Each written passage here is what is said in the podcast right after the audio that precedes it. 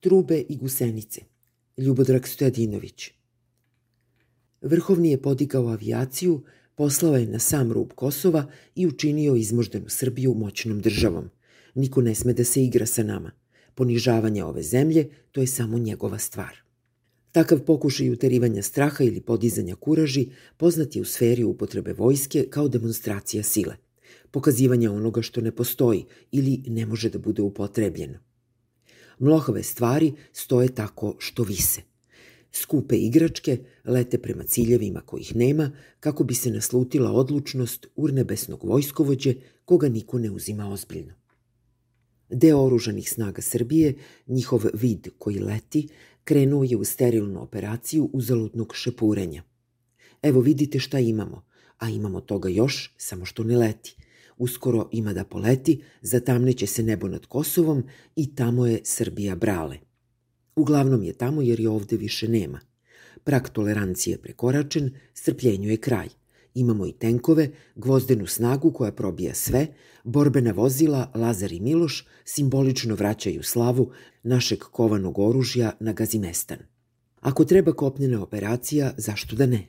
Pozvaćemo sve u poslednji sveti boj. Stotinak hiljada mrtvih na obe strane, podnošljivo.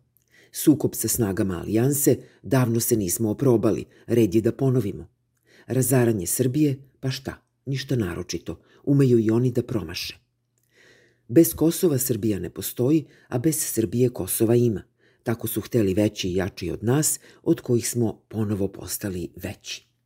Zar Vrhovni nije predočio ultimatum NATO-u ili rešite stvar za 24 časa ili mi upadamo, pa šta vam Bog da?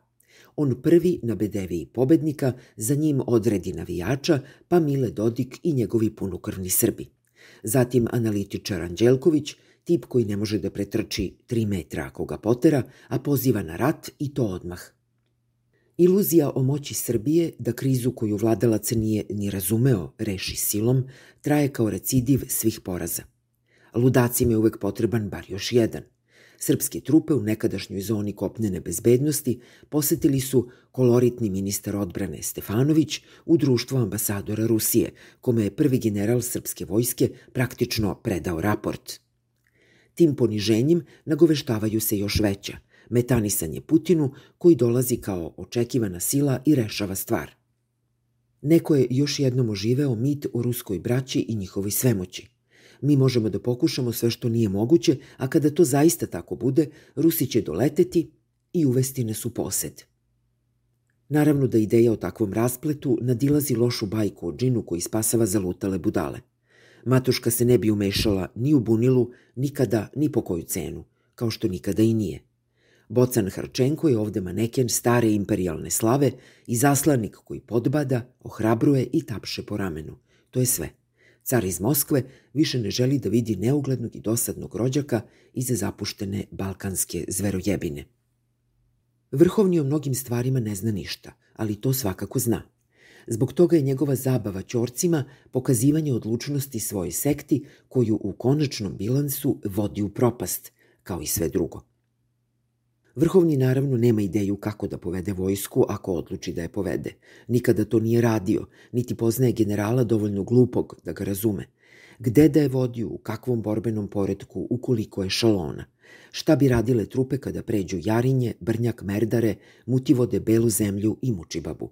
Da li bi to bio cilj ili početak? Šta bi gađala avijacija po dubini, kojim bi pravcima išli tenkovi? U koga bi pucala sva ta sila? Šta bi gađala artiljerija sa svojim novim, tek nabavljenim lakim sistemima i dalekometnim topovima? Svi koji tamo žive su građani Srbije, ako je Kosovo zaista naše. Ili nije niko ako nije ne bi li to bila operacija protiv njih, protiv Albanaca i Srba za osvajanje izgubljene teritorije na koji su ljudi samo deo mrtvog prostora. Nema razumnog modela za bilo kakvu vojnu akciju. To je maloumna utopija, ambiciozni put uništavilo. Zašto je ondak ratni jeroplan letio do ruba nestale zemlje? Vrhovni koristi Ćorke obsenjuje svoje slepe birače samo osobinama koje nikada nije imao, a to su odlučnost, hrabrost, mudrost, harizma, vojničko držanje, operativna superiornost. Ili bar ironijska distanca vrhovnog vojnika Švejka prema svom diletantizmu u igri sa olovnim vojnicima. Možda vladar već ima gotov plan kako da bude pobednik u pregovorima, ali on izgleda ne zna o čemu se pregovara i šta je na stolu. Status quo, razmena teritorija, transfer stanovništva, stolica Kosova u Ujedinjenim nacijama. Pozicija severa Kosova po kome tamošnji Srbi više neće biti pokusnik u nići beogradske političke klike. Ili nešto sasvim nepoznato, potez genijalnog stratega koji sve menja. Međusobno priznanje kao dar čarobnjaka koji je velikim porazima obezbedio mir Srbiji i opstao kao pobednik nad zarobljenom zemljom.